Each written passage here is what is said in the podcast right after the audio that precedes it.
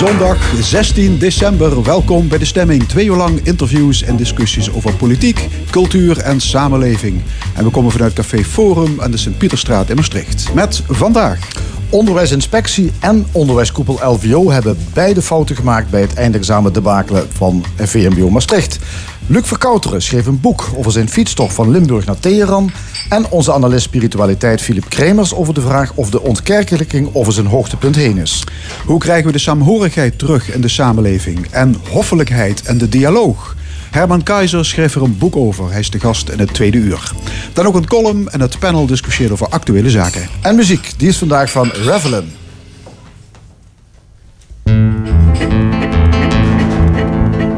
Trink, Friede, trink euch das Gläser bis zum Grund. Wärst du fern und frisch und munter, freilich und gesund. Oi, trink, Brüder, trink euch das Gläser bis zum Grund. Wärst du fern und frisch und munter, freilich und gesund.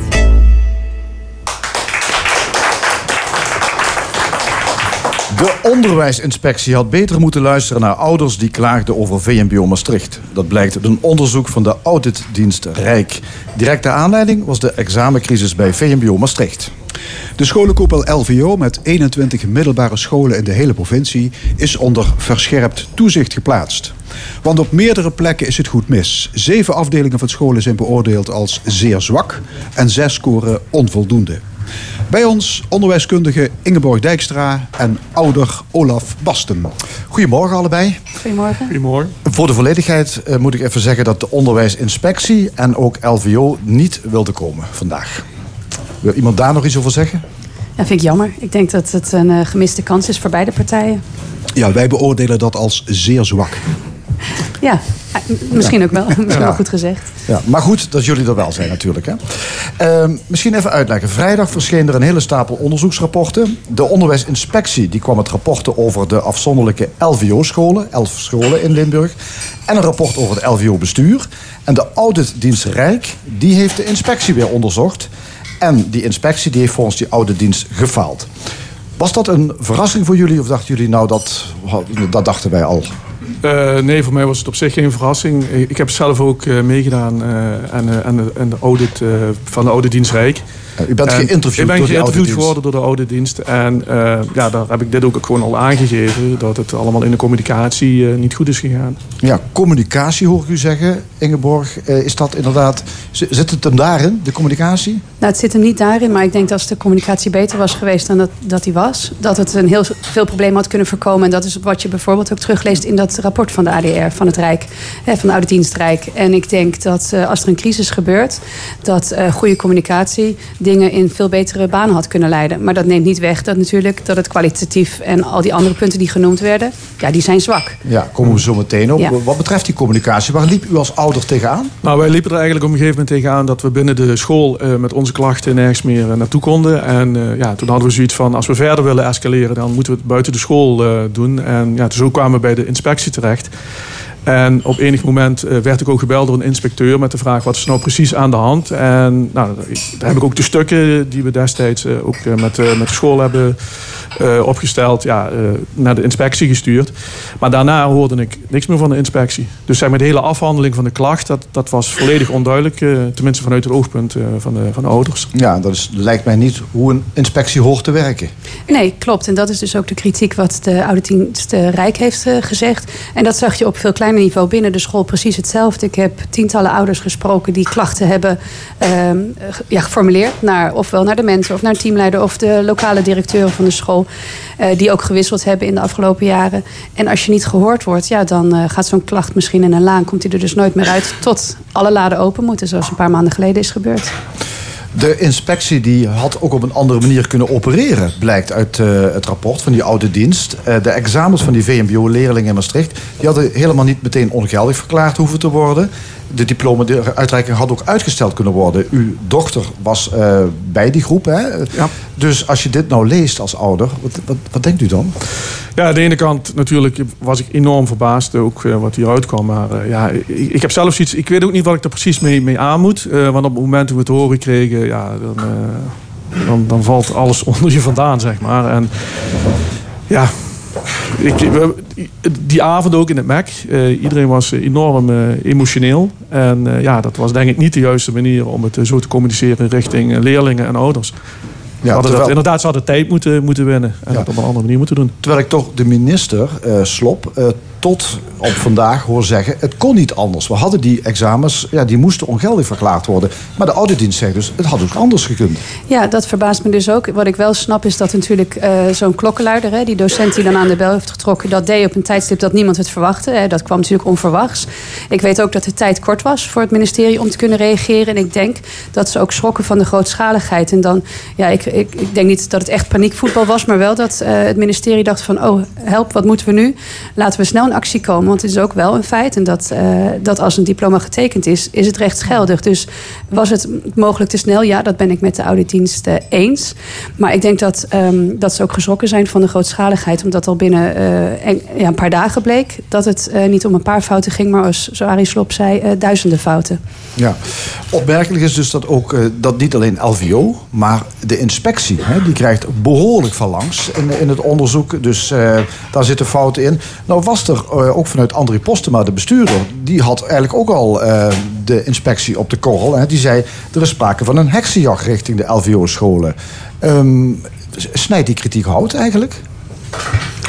Ja, ik ben het daar niet helemaal mee eens. Ik bedoel, ik, ik moet toegeven dat natuurlijk nu echt alles heel grondig is onderzocht. En ik uh, weet zeker dat als we dat in andere delen van het land, bij andere scholenkoepels hetzelfde zouden doen, dat we mogelijk ook grote tekortkomingen zouden kunnen zien. Maar het is wel een feit dat op de school waar we het over hebben, op VMBO Maastricht, ongelooflijk veel is misgegaan. En om dan van heksenjacht te spreken, vind ik een beetje kort door de bocht. Maar het is ook zo dat al sinds 2016 er uh, tientallen klachten schriftelijk bij de inspectie zijn binnengekomen. Waarvan uh, Olaf net zei, hè, één daarvan uh, was van hem. Um, die hadden eerder serieus genomen moeten worden. En terecht stelt dan de ADR ook van... Uh, als er zoveel lesuitval is... dan kan het niet anders dan dat er toetsen en examens gemist worden. En die, die kans zeg maar, op inspectie hebben ze laten liggen. Ja. De, uh, de inspectie heeft niet alleen gekeken naar VMBO Maastricht... waar natuurlijk heel veel om te doen is. Hè, die school die dan echt in de, in de belangstelling is komen mm -hmm. te staan... op een negatieve manier... Maar ze, ze, hebben gekeken naar nog elf andere scholen. Ja. Um, LVO heeft 21 scholen in Limburg, 11 zijn er onderzocht. Wat, wat, wat, uh, als u daar naar kijkt, naar die onderzoeken, wat, wat, wat vindt u ervan, wat, uh, van het resultaat? Nou, het is niet best. En dat is iets wat, uh, wat omdat ik op andere scholen ook werk, wat ik eigenlijk jammer genoeg vermoedde. En ik heb echt nog nooit zo graag ongelijk willen krijgen. Want ik had echt gehoopt dat dit echt een incident van VMO Maastricht was. En dat is het dus niet. Dus we zitten hier in Maastricht, vooral in Maastricht, hè, het Sint Maartens College, Bonnefante College, zitten we dus echt met een onderwijskunde groot probleem. Dat we maar een paar plekken hebben waar we goed onderwijs op dit moment kunnen bieden. En dat is uh, geen fijne boodschap. Ja, dus is eigenlijk erger dan verwacht misschien wel. Ik denk het wel. Ik denk dat voor veel mensen dat echt uh, schrikken was. Ja. ja. Volgens de onderzoekers er sprake van ernstige nalatigheid bij bestuur en raad van toezicht. Ja. Hoe kan zoiets gebeuren? Ja, dat is een goede vraag. Uh, Olaf en ik hadden het er net al over. Er is uh, een hele grote, zoals Arie Slop het noemde, mist... Uh, tussen bijvoorbeeld docent en tot je bij André Postema kwam... Hè, als voorzitter van de Raad van Bestuur. Er zaten teamleiders, lokale directeuren... en dan de directie en dan de Raad van Bestuur, Raad van Toezicht. Er was een heel veel tussenpersonen. En verhalen kunnen dan heel makkelijk of anders bovenaan aankomen... of helemaal niet aankomen. En dat is niet om het goed te praten, zeker niet. Maar dat is wel een deel van het probleem geweest. Ja. Had u dat als ouder dat idee ook? Dat als je naar de school toe ging met klachten, dat het niet aankwam? Ja, dat is wat ik net ook al zei. Hè. Op een gegeven moment, uh, ja, je, gaat eerst naar de leraar toe en dan heb je nog de mentor en je gaat naar, je team, naar de teamleider, uh, nou, directeur. Dus al die, die lagen, ja, daar kwam je op een gegeven moment ook niet doorheen. En uh, als je een laag hoger kwam, werd dan ook gezegd, het probleem valt wel mee. Of we hebben het in grief en we doen er alles aan om het te voorkomen. Ja, dan werd je eigenlijk weer heel even met een kluitje in het riet gestuurd. Uh, totdat het weer misging. Ja. En dan ging je weer terug. Uh, weer die uh, naar de leraar, mentor. Ja, dus dat ja, schoot weinig zin. Schiet niet ja. op. Wat heeft LVO nog nagelaten wat ze misschien hadden kunnen doen? Nog, ondanks alle ellende? Uh, wat ze hadden kunnen doen? Ik bedoel van tevoren. Nee, nu? Nu, nu, nu. nu ze hadden wel hun excuses mogen aanbieden. We hebben eigenlijk uh, na het uitreiken van die diploma... dat ging gewoon in het uh, klaslokaal met de mentor van die, ja, Handje en een, en een Roosje. Daarna hebben we nooit niks meer gehoord. Geen excuus. geen, willen jullie dan nog een examenfeest? Of zullen we wat organiseren voor jullie? helemaal niks. Excuses. Hoor Ja. ik. Helemaal niks. Eh, Is dat, geldt dat voor meer ouders? Want Oh, u- dat u spreekt voor- met veel ouders. Veel ouders wachten daarop. En dat, eh, dat verzacht natuurlijk niet de pijn. Maar dat is het, als je een fout maakt, bied je excuses aan. Ik bedoel, daar hoef je niet voor gestudeerd te hebben. Eh, als je, en als je een grote fout maakt, nou dan eh driedubbel dik. Ja. En er is gewoon helemaal niks gekomen. Nee. En dat, dat is ook qua boodschap voor die tieners. Dan denk ik van, hè, we, we leren onze kinderen, onze pubers... dat ze verantwoordelijkheid zijn voor, eh, verantwoordelijk zijn voor hun eigen gedrag. En als het misgaat, dat je dan probeert het goed te maken. En hier op alle levels eh, laten ze hier zien dat ze zelf niet weten hoe dat moet. Ik vind dat ook op dat niveau echt, eh, echt, ja, niet, echt heel kwalijk. Niet oké. Ja, ja, er zijn geen excuses aangeboden. De leerlingen zijn de dupe geworden van een systeem waar ze natuurlijk zelf niet verantwoordelijk voor waren. Dat is toch. LVO-bestuur. Ja. Dus wat, wat doet dat met leerlingen? Ja, het zijn pubers hè, die nog zal maar zeggen, de samenleving in moeten, om het zo te zeggen. Dus wat doet dat met ze? Dat ze, een, dat ze een onderdeel zijn geweest van een falend systeem? Ja, ik heb dat thuis ook gemerkt. Gewoon, ja, eh, mijn dochter die had er op een gegeven moment helemaal geen vertrouwen meer in. Hè. Op, op, op enig moment kreeg ze horen van je moet eh, deze vakken inhalen. Eh, toen werd het een week later weer wat anders. Toen heeft ze een, een heel weekend, weet ik nog, geleerd. Ik dacht voor maatschappijleer. En dan werd je maandagsavonds gebeld. het gaat niet door, het hoeft niet meer. Dat soort zaken. Dus ja, dat was heel lastig voor haar om dat te handelen. Ja. En niet alleen voor haar, maar ook voor ons als ouder. Ja, en dat geldt voor veel eh, tieners die ook inmiddels begonnen zijn. Dus de, het merendeel is nu begonnen op een eh, mbo-opleiding of naar eh, HAVO doorgestroomd. En eh, met een soort wantrouwen naar het systeem. Heel cynisch ook eh, over de informatie die ze nu krijgen van hun huidige docenten. Van ja, wie zegt dat dat waar is? Wie zegt dat het tentamen nog geldig is? Dat soort. eh, nou, en, en dat zal wel even duren. Dat is echt niet eh, met de komst van deze rapporten, die ze sowieso niet gelezen hebben, natuurlijk als pubers, eh, afgerond. Ja, het is heel vervelend als je Heel zo vervelend, natuurlijk ja. de toekomst tegemoet ge- moet zijn. Ja. Nou, het is een, er er staat heel veel natuurlijk in die rapporten. Hè, want het is, eh, als je het uit zou printen, geloof ik, kon je er niet meer overheen kijken als je het op tafel zou leggen. Dat denk ik, ja. Maar eh, wat, wat ik tegenkwam is ook dat de veiligheid, en dan gaat het na- met name weer over VMBO Maastricht, die veiligheid was niet in orde. Klopt. Dat Zowel- denk ik. ja, en er stond zowel voor de docenten als voor de leerlingen. En dat is ook iets wat ik ook al jaren heb gemerkt in de gesprekken die ik zowel met docenten als leerlingen en hun ouders heb gehad.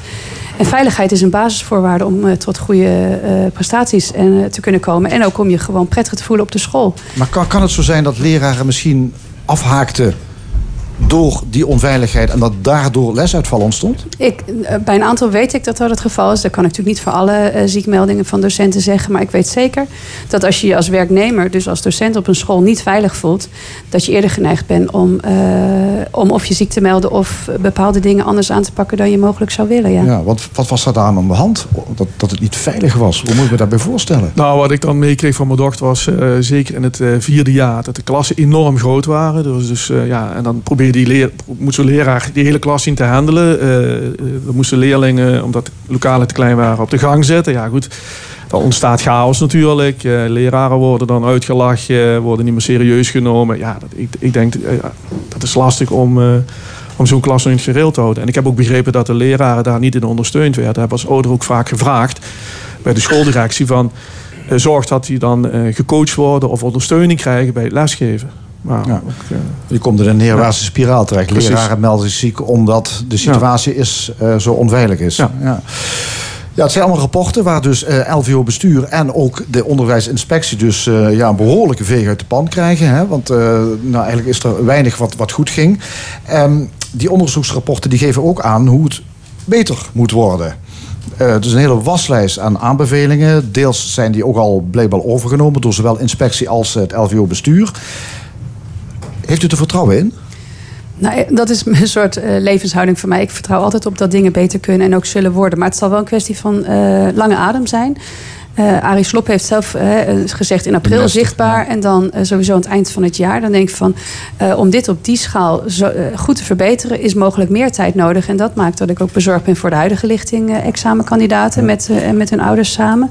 Maar ik geloof wel dat er dingen beter kunnen. En een aantal dingen gaan ook al beter. Dat hoor ik ook van ouders terug. Dus wat dat betreft, ja, de eerste stappen worden gemaakt. Ja, want hij zou in, de, de minister zou in april, hè, Ja. dan, dan, komt hij terug en dan, komt hij, en dan moeten er echt stappen gemaakt zijn. En dat, ja, dat gaat onder verscherpt toezicht. Hè. Gemeente, provincie, ministerie, VO-raad, onderwijsinspectie, Mhm. noem maar op. Die gaan allemaal kijken hoe dat bij LVO moet gaan. Gaat dat werken? Denk ik, als er tien mensen komen meekijken over je schouder? Nou, het zal wel ingewikkeld worden, want hoe meer mensen er meekijken, hoe ingewikkelder het eigenlijk is. Maar ik snap wel, omdat er op zoveel punten verbetering uh, nodig is, dat bepaalde instanties, zoals bijvoorbeeld de VO-raad, kan ik me voorstellen dat die andere taken krijgt dan de inspectie zelf. En dat ze dus allemaal een deelgebied hebben. Want ja, er waren te veel deelgebieden die aandacht nodig hebben. Dus dat kan inspectie ook alleen niet aan. Dat snap ik ook wel weer. Ja. ja, ja. Ouders hebben trouwens ook weinig te kiezen. Hè? Zou, zou LVO misschien niet opgesplitst moeten worden? Want te horen, het is een grote moloch, uh, het werkt niet. Ouders kunnen ook niet naar een andere school, zeker in Maastricht. Alles is LVO eh, zo'n beetje. Is, is, is die organisatie gewoon niet te log en te groot? Ja, dat is wat we net ook al aangaven. Als je kijkt naar het aantal vestigingen eh, en hoe de geografische verspreiding is. Volgens mij 3000 medewerkers, 26.000 leerlingen. Ik vraag me af hoe je dat uh, moet handelen. En ja, dit is een probleem. Uh, als ouder, uh, ja, je hebt eigenlijk weinig keus. Ik bedoel, ik heb nou een zoontje die is naar de middelbare school gegaan. Ja, dat is ook een LVO-locatie. ja, waar moet je naartoe? Moet ik dan naar België? Ja, ja. nou ja, de, de trek naar België is uh, sowieso neemt uh, langzaam maar zeker toe. Dit zal niet helpen, maar in België willen ze ook niet al die uh, kinderen uit Maastricht hebben, want zij willen ook kleinschalig blijven, want goed onderwijs. Ja, dus dus opknippen, LVO misschien? Ja, maar dat, goed, zo'n stichting, dat, daar, daar, gaan wij niet over. Dat zal echt uh, vanuit het bestuur of uh, vanuit ergens anders genomen moeten worden. Wij kunnen dat wel willen, maar als zij blijven zitten waar ze zitten... en uh, daar zijn ze soms wel goed in, hebben we bij andere posten maar ook gezien... ja, dan gebeurt er wat dat betreft helemaal niks. Oké, okay, we gaan het meemaken in elk geval in april. Dan is er weer een nieuw meetmoment. De minister zelf zou dan komen kijken Klopt. hoe het gaat. Ja. Dank jullie wel, Ingeborg Dijkstra en Olaf Basten. Ja, de live muziek in de stemming komt vandaag voor rekening van Revelin. Aan tafel zangeres Anita Verdonk. Anita, jullie stijl wordt omschreven als mellow melange mondial. Laten we dat eens een partjes hakken. Mellow? Ja. Mellow is easy, uh, relax. Klinkt lekker. En akoestisch. En akoestisch, ja. Uh, melange? Melange. Het is uh, ja, een mengeling van allerlei culturen, allerlei verschillende talen. Ja, en ja, de laatste mondiaal, mondiaal, dat is Spaans voor wereld. Ja, nou ja, het is eigenlijk mellow is Engels. Uh, melange is Frans. Mondial is uh, Spaans. Dat dus, is weer een melange. Ja, wij hebben ons een eigen genre aangemeten. Omdat we wereldmuziek toch een beetje, met alle respect, een beetje stoffig vonden klinken. Dus mellow, melange, mondial. Oké, okay, jullie hebben net een eerste uh, cd uitgebracht. Ja, Golden klopt. Leaves. Was dat een lang gekoesterde wens? Ja, ja, ja. wij hadden toch de wens om eens een keer een aantal nummers uh, mooi op te nemen. En uh, we hebben onlangs een cd-presentatie gehad in de Lutherse kerk die bomvol zat. En nou, het is erg goed ontvangen. Ja. En, Hoe anders is het werken in een studio? Dan optreden of repeteren? Nou, we waren onder vrienden, dus we waren vrij relaxed. Okay. En uh, een vriend, goede vriend van ons, Jimmy Duchateau, die heeft het opgenomen. En ja, dan is het, is het een, een, ja, je moet relaxed zijn om iets op te nemen. En een studio onder vrienden gaat dat, gaat dat goed. Hoe lang uh, bestaat de band? Um, André en ik zijn al, uh, nou dik André acht Kok, jaar. De, André Kok, de violist. Uh, zijn al acht jaar uh, bij elkaar. En de Revelin heeft verschillende, ja, verschillende formaties gehad. En wisselingen gehad. En nu zijn wij ongeveer vier jaar, ja, kleine vier jaar bij elkaar. Oké, okay. en de ja. naam Revelin, waar komt die vandaan? Revelin. André heeft een, een atelier in de Ravelijn. Waar we altijd repeteren. En hij schildert en daar. de Ravelijn is een buurt in Ravelijn, ja. Revelin, oh. Ravelijn. Dus ah. ja, niet moeilijk doen. Oké. Okay. Hey, wat gaat het eerste nummer worden van jullie? Donde Boy, dat is een uh, heel mooi Spaans nummer. Oké. Okay. Anita Verdonk, dankjewel. Je Graag. mag uh, terug naar het podium. Dan zal ik ondertussen nog even de andere bandleden uh, introduceren. Josien Mennen, contrabas. André Kok, hij werd al genoemd op viool. En Peter Verheijen, gitaar. Hier is Revelin met Donde Boy.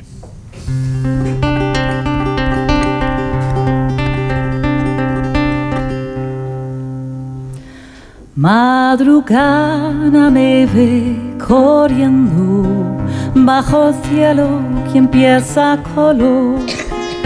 No me salga sola a nombrarme a la fuerza de la migración. Un dolor que siento en el pecho es mi alma que hiere amor. Piensa en ti y tus brazos que esperan, tus besos y tu pasión. Donde voy, donde voy, esperanza es mi destinación. Solo estoy, solo estoy, por el monte profugo me voy.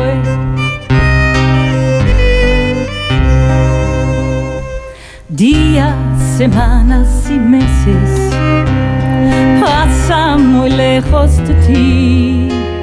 Muy pronto te quiero un dinero. Yo te quiero tener junto a mí. El trabajo da llena las horas. Tu risa no puedo olvidar. Vivir sin tu amor no es vida. Vivir de profugo es igual. ¿Dónde voy? ¿Dónde voy? Esperanza es mi destinación. Solo estoy, solo estoy. El monte profugo me voy.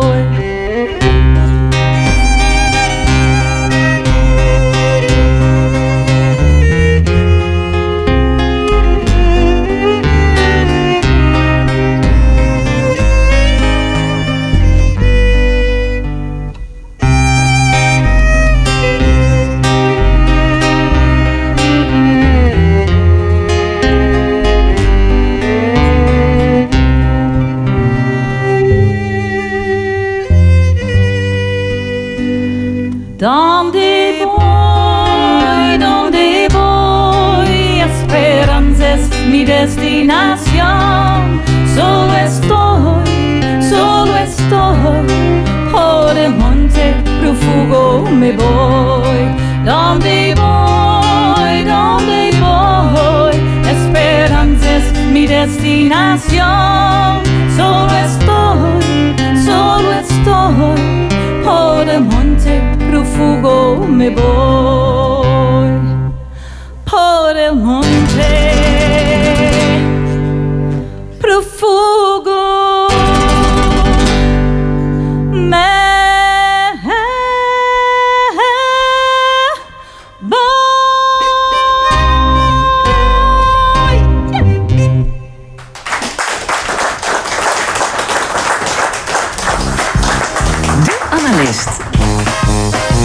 Vandaag onze analist spiritualiteit, Philippe Kremers. Filip, hartelijk welkom op deze. Dag des Heren. Eh, je wil het vandaag hebben over religie in Nederland. Of het geloof nog steeds op zijn retour is of, of niet. Ik heb de indruk dat er veel onderzoek naar wordt gedaan. Klopt dat? Daar wordt eh, inderdaad veel onderzoek eh, naar gedaan. We kennen natuurlijk de jaarlijkse onderzoek van het CBS, en uh, is een eh, Sociaal Cultureel Planbureau. Eh, er wordt ook eh, door Nederlands wetenschappelijk onderzoek, zuiver Nederlands wetenschappelijk eh, onderzoek, wordt daar eh, naar gekeken naar wat religie eigenlijk vandaag de dag uitmaakt en welke eh, betekenis het heeft voor eh, cultuur en voor mensen eh, in hun dagelijks leven. Eh, en wat je dan ziet is een soort eh, eh, dubbel verhaal. Aan de ene kant krijgen we steeds meer cijfers over verdere ontkerkelijking en dat er steeds minder mensen gelovig zijn. Ja, Aan de het- andere- het laatste Ja, nieuwsbericht was Ja. dat gelovigen in Nederland in de minderheid zijn. Voor, de, voor het Ja. eerst in de historie. Ja. Hun aantal is gezakt tot net onder de 50 procent. Ja, ja, nou ja, goed. Dat is een al, al een wat ouder bericht. Ik, ik denk een jaar Van het Sociaal en Cultureel Planbureau. Ja, ja, nee, van, van een paar weken geleden. Ah, oké, oké. Nou, eh, ja, dat klopt. Eh, er zijn steeds minder mensen gelovig. In ieder geval, als we eh, de definities aanhouden die tot nu toe daar eh, eh, toe gebruikt zijn. En dat zijn vooral inhoudelijke definities. Op het moment dat je religie gaat vatten in een soort functionele definitie. In termen van religie doet dit en doet dat. En heeft die functie voor mensen en die functie. Dan blijkt dat religie toch op een hele andere manier nog begrepen kan worden. En dat is juist ook het dubbele verhaal wanneer we het hebben over secularisatie. Op het moment dat je, zoals eh, eh, aan het begin van dit programma werd aangekondigd, seculari, eh, secularisatie ziet als ontkerkelijking, dan zie je inderdaad dat die secularisatie nog steeds gaande is. Zie je secularisatie echter als, als de wijze waarop mensen gelovige inzichten gebruiken om leven betekenis en kader te geven, dan zie je dat die secularisatie eigenlijk voorbij is en dat mensen weer in toenemende mate de verhalen gaan gebruiken die eh, onze traditie en onze cultuur uh, uh, voortgebracht okay, heeft. Dan heb je het ja. over uh, spirituele zin in de brede zin des woords? Of? Ja, dan, ja, spirituele zin of religieuze zin mag je dat ook noemen. Ja, ja. ja. Dan, inderdaad, als je het op die manier opvat, dan zie je eigenlijk dat secularisatie. Uh, um, ja, op, op, op, op de terugtocht is, om het zo maar te zeggen. Dat hij langzaam maar zeker begint te stollen. Ja, ja, dat, is, ja dat, het is zo dat filosofen en theologen die beweren dat het post-seculiere tijdperk. Dat is alweer aangebroken. Ja, ja precies. En die, die, die, die, bedoelen dan inderdaad juist te zeggen dat, dat je ziet dat uh, zeker uh, dat aan de ene kant de 40ers en 50ers, 60ers, die hebben zich heel sterk geconcentreerd op, uh, ja, op welke manier kan ik nu met het leven omgaan zonder die religieuze traditie waarin ik ben opgegroeid. Ja. En die hebben dus eigenlijk alles overboord gegooid en, en, en, en, buiten zich gehouden. Hebben zich geconcentreerd op, op, op meer Oosterse technieken om, om, om, om maar staande te kunnen blijven in de gebrokenheid van het bestaan. je ziet dat daar een beweging begint te komen van ja, maar ja, dan ben ik dat alleen en uh, dat is allemaal zo mezelf gericht. Uh, er is toch nog wel iets anders buiten mijzelf. Dat is aan de ene kant. Aan de andere kant heb je de millennials. Ja, de, dus om het zo maar te zeggen, mijn kinderen, die zich beginnen af te vragen van ja, nou ben ik wel autonoom en ze hebben me goed opgevoed als individu, ja. maar mijn leven is toch meer dan dat individu. En dan, uh, dat is uh, een van de inzichten, dat mensen beginnen te realiseren dat zo gauw ze buiten zichzelf betekenis gaan zoeken, dat ze dan min of meer ook in religieuze kaders terechtkomen. En zeker millennials, die zijn niet meer zo bezwaard door het verleden, door kerkelijke ideeën die, die wij generatie 50, 60ers nog ingepompt gekregen hebben. En die kijken veel uh, opener naar die werkelijkheid. En beginnen daar dingen uit op te pakken. Ja. Ja. Je wil vandaag jouw laatste bijdrage van 2018 drie boeken bespreken ja. die over deze materie gaan. En je wilt beginnen met een boekje van Herman Paul.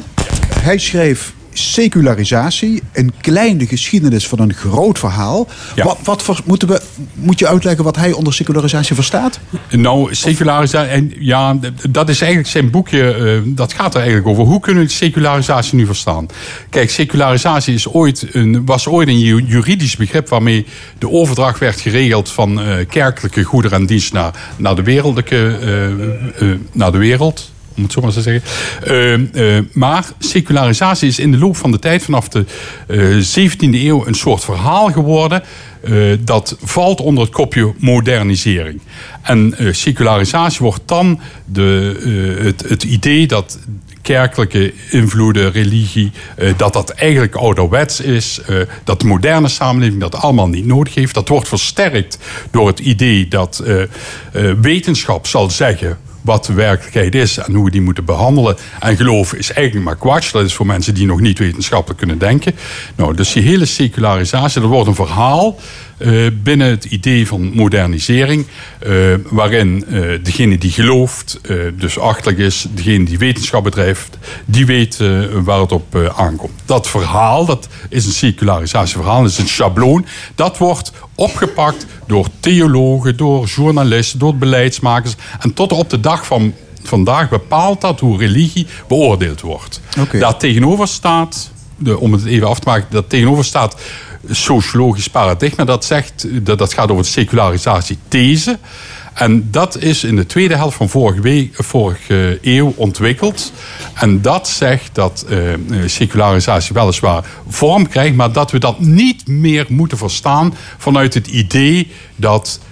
Dat dat hoort bij een moderne samenleving. Secularisatie, dat moet nu gemeten worden naar op welke wijze gaan mensen om zoals we toen net bij de inleiding al aangaven, met, met, uh, met hun zin, uh, zingevingskaders. Ja. Wat is nu de waarde van het boekje van, van die uh, meneer Paul? Nou, de waarde is vooral dat het, dat het tot nu toe, ja, ik had dat in ieder geval, was secularisatie toch een soort containerbegrip waarin je alles kon vatten. Nou, hij, hij nuanceert dat en geeft echt richting in het denken over hoe je nu secularisatie moet, kunt beoordelen en kunt zien. Ja.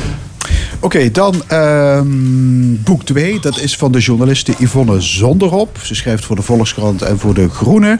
Dat boek heet Ongelooflijk. Ja. Met als ondertitel over de verrassende comeback van religie.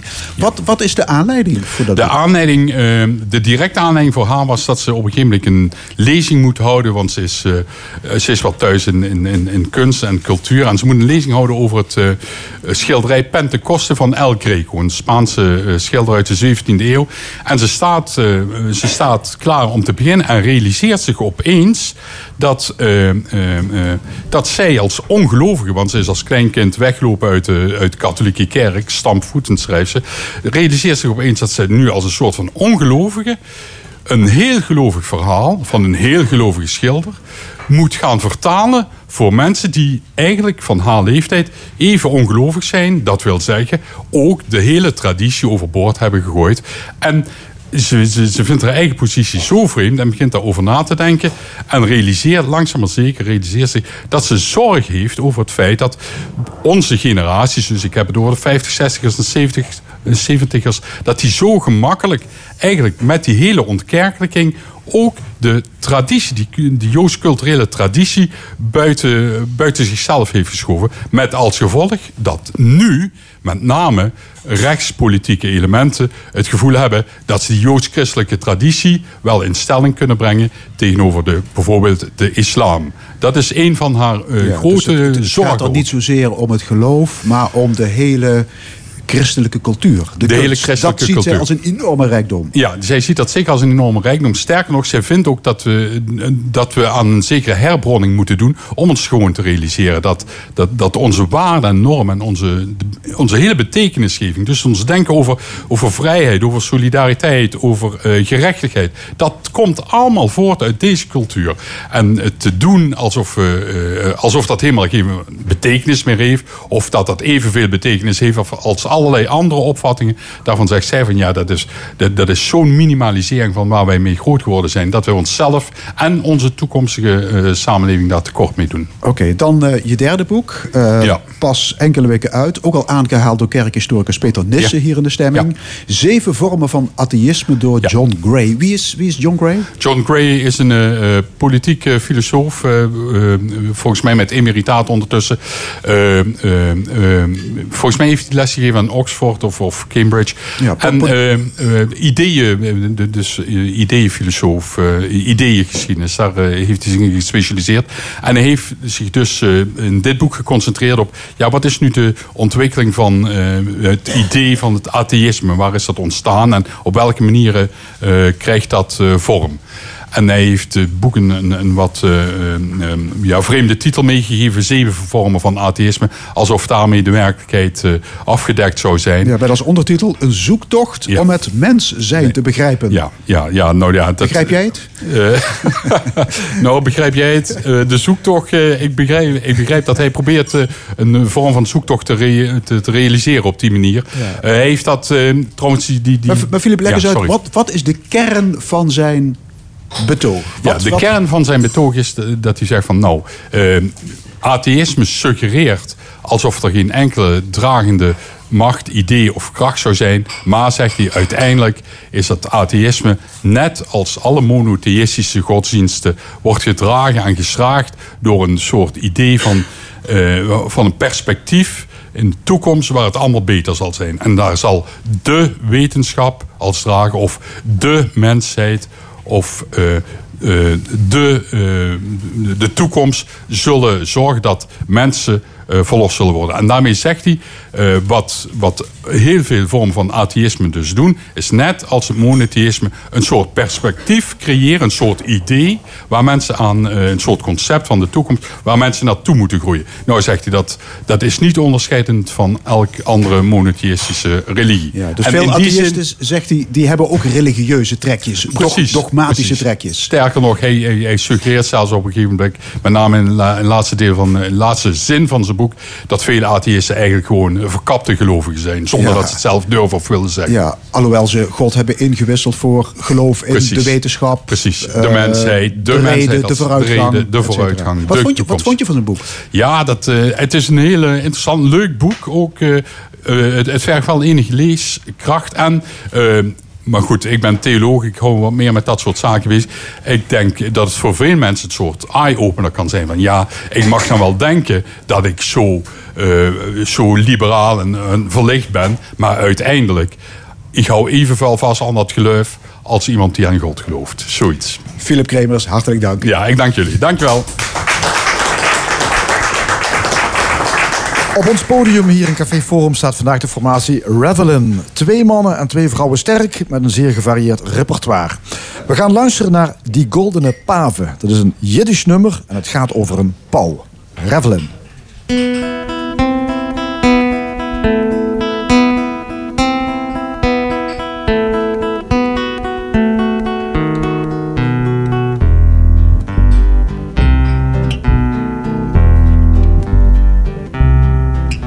Ist die goldene Pave geflogen, geflogen. Und die Nacht hat geöffnet die goldenen Augen. Licht die gemeine, schlaf ein. Und die Nacht hat geöffnet die goldenen Augen bin ich auf Fiedel gefroren und du dir beugen. Unruhige meine Schlaf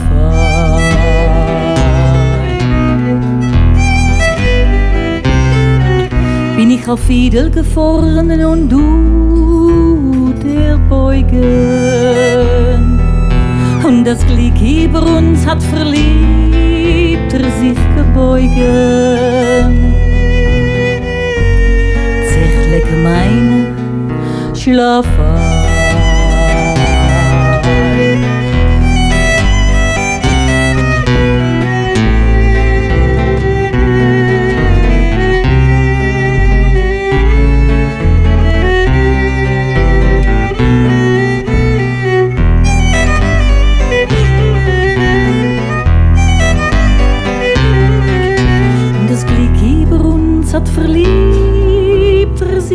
verfleugen, gelöst uns allein und verfleugen, verfleugen. Treurige Meiner, schlaf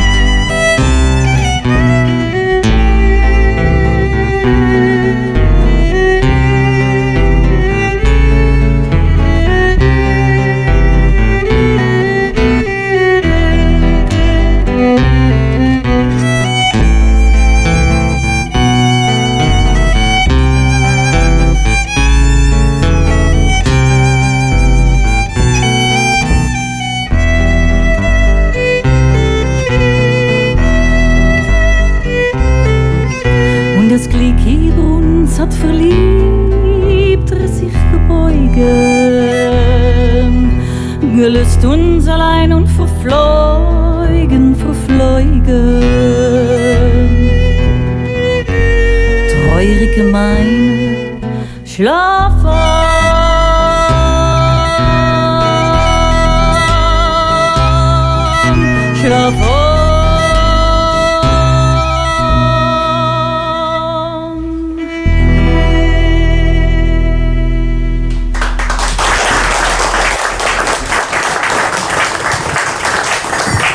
Goldene Pave, dat was Revelin live in de stemming van L1. Luc Verkouteren maakte een fietstocht van Limburg naar Iran. Op zich al een indrukwekkende prestatie. Maar wat het extra bijzonder maakt, is dat hij leidt aan bipolaire stemmingsgevoeligheid. Depressieve en manische periodes wisselen elkaar af. Zijn stemming kan zich uiten in extreme variaties. Over zijn fietstocht schreef hij het boek Grenzeloos Geluk. En het schrijven vond hij moeilijker dan het fietsen. Bij ons, Luc Verkouteren. Welkom. Ja, het boek gaat uh, over stemmingswisselingen. Die komen constant terug, uh, waar u uh, mee te maken heeft. Hoe gaat het nu met u? goed, dankjewel. ja, stabiel wordt dat genoemd. Stabiel. Ja. Ja. Dus eh, eigenlijk al een paar jaar.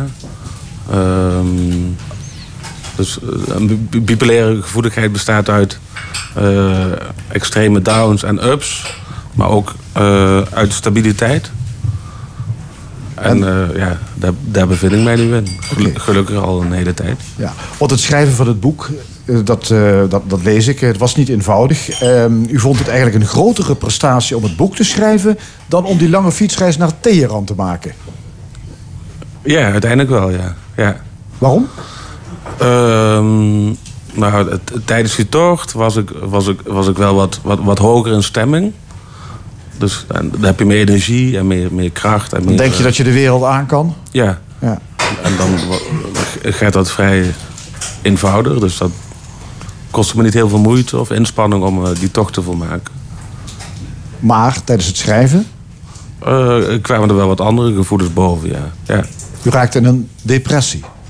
Uiteindelijk wel. Eigenlijk al vrij vroeg. Ehm, en en, en dat, dat, dat, dat maakt het pittig, ja. En kwam dat door het schrijven? Dus door het schrijven over die periode waarin u eigenlijk vond dat het allemaal heel goed ging? Nee, ik denk het niet. Dat, dat, dat was toen een, eh, eigenlijk een gevolg van de wat, wat hogere stemming waarin ik me bevond tijdens de tocht zelf.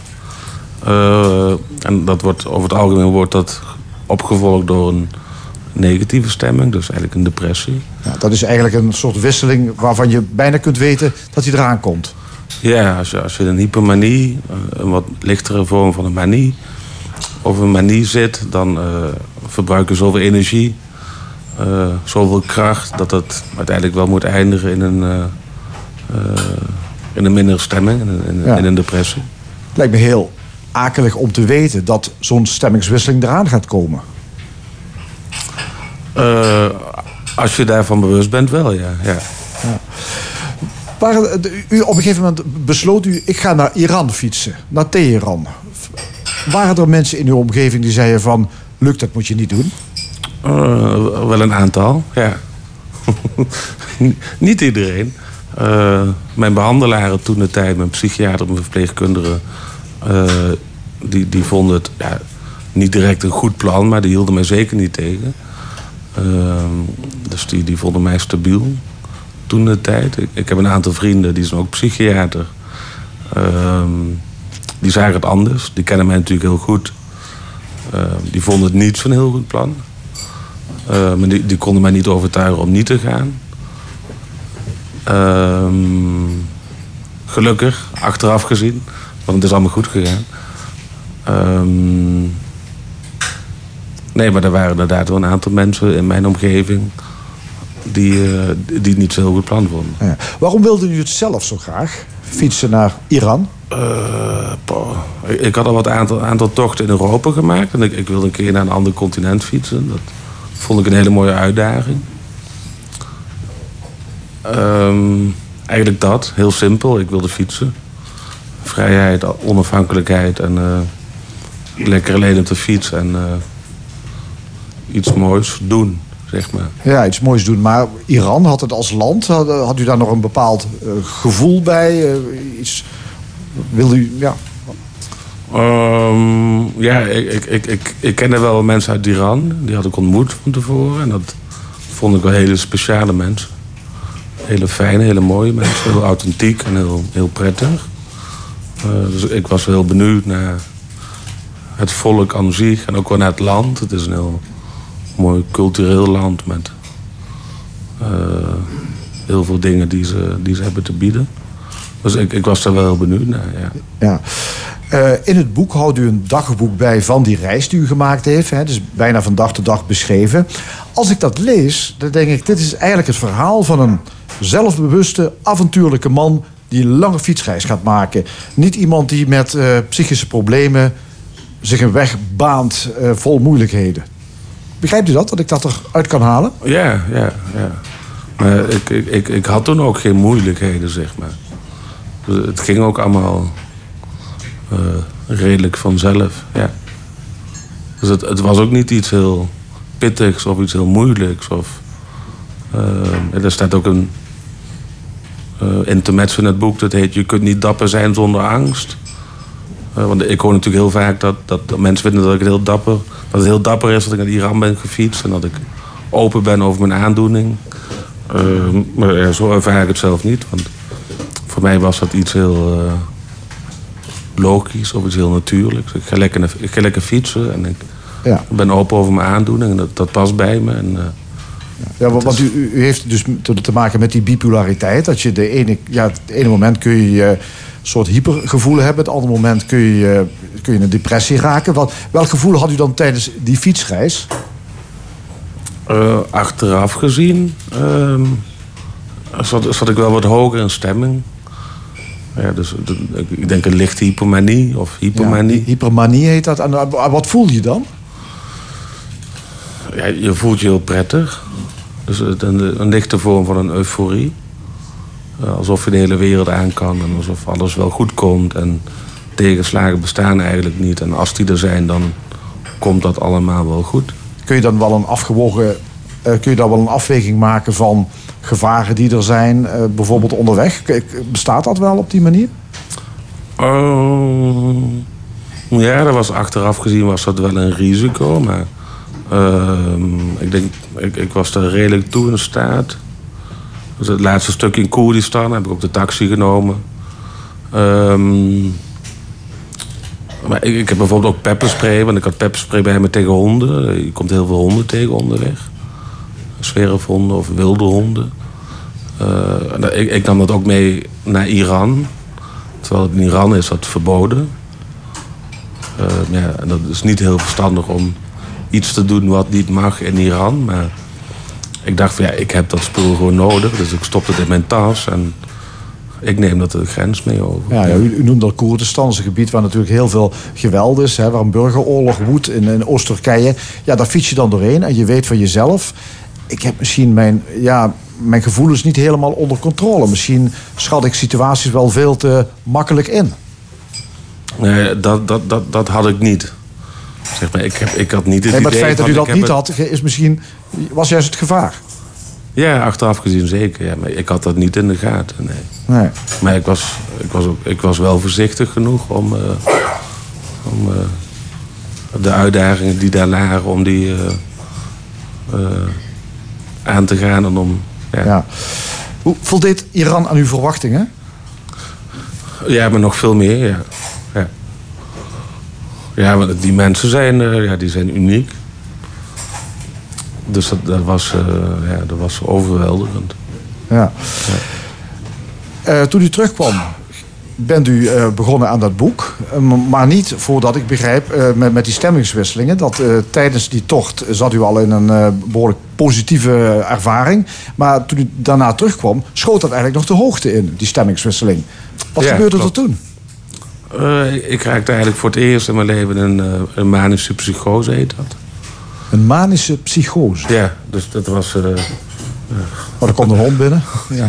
dat kan ook. Ehm, ja, dat, dat, dat hield voor mij in dat ik, dat ik mij heel, heel, echt heel groots voelde. ja.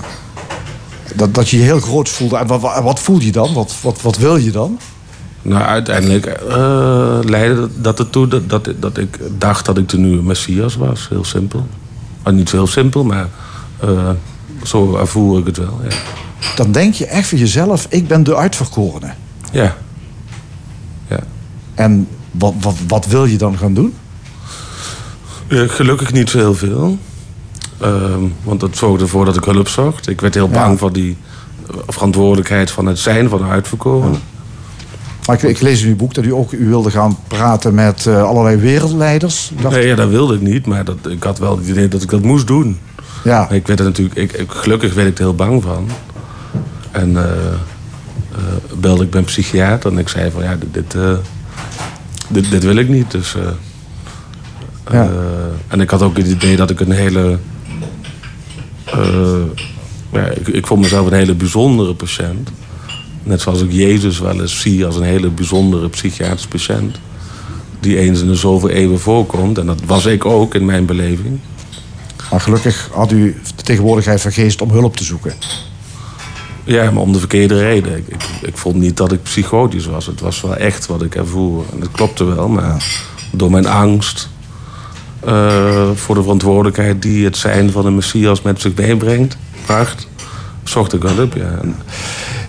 Mag ik u vragen om een eh, stukje voor te lezen uit uw boek? Het gaat dan over het einde. Oh, ja, ja, dat weet ik zeker. U heeft mij dat gevraagd om voor te lezen. Een klein stukje. Ik, ik zou het nog wat langer willen doen. En, eh, maar goed, het gaat over herstellen. Ehm, eh, nu heb ik moeite met het woord herstellen. Het impliceert dat er iets aan me is dat beter gemaakt moet of kan worden. Dat er iets kapot is wat te genezen is. En dat is niet zo. Er is, er is niets kapot aan mij. Ik heb een bipolaire kwetsbaarheid. Ik ben manisch depressief. Dat is onderdeel van wie ik ben. En er is zoveel meer.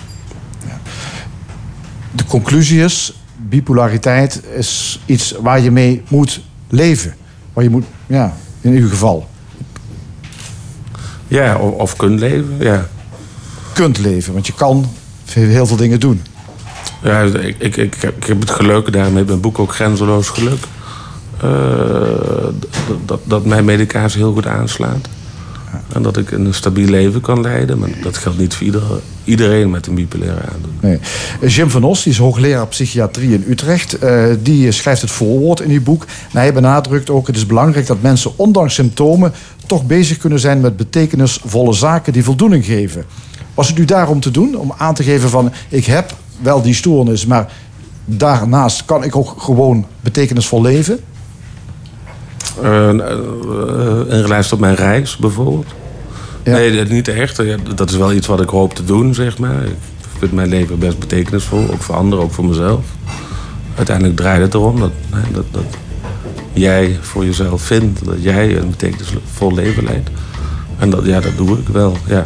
Ja, nou, in elk geval heel dapper om die reis te maken. En eh, dus vooral ook om er een boek over te schrijven. Dankjewel, Luc Verkouteren. Ik noem de titel nog een keer van het boek. Dat is Grenzeloos Geluk. En ik begrijp vanaf morgen ook in de boekhandel hier, Nakenval in Maastricht.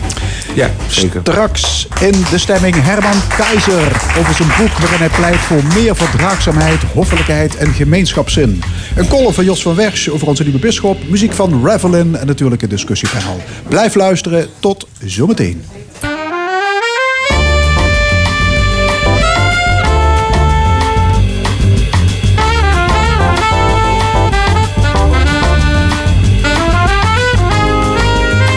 Stemming. Met Frank Ruber en Fons Geraerts. Opnieuw welkom bij De Stemming, het interview- en discussieprogramma van L1 Radio. Vanuit Café Forum in Maastricht. En wat allemaal nog in de tweede en laatste uur. Even na half één discussieert het opiniepanel met Terza Hoebe, Cor Bosman en Loek Hustings over de klimaatrekening, het bevrijdingsfestival en andere actuele zaken.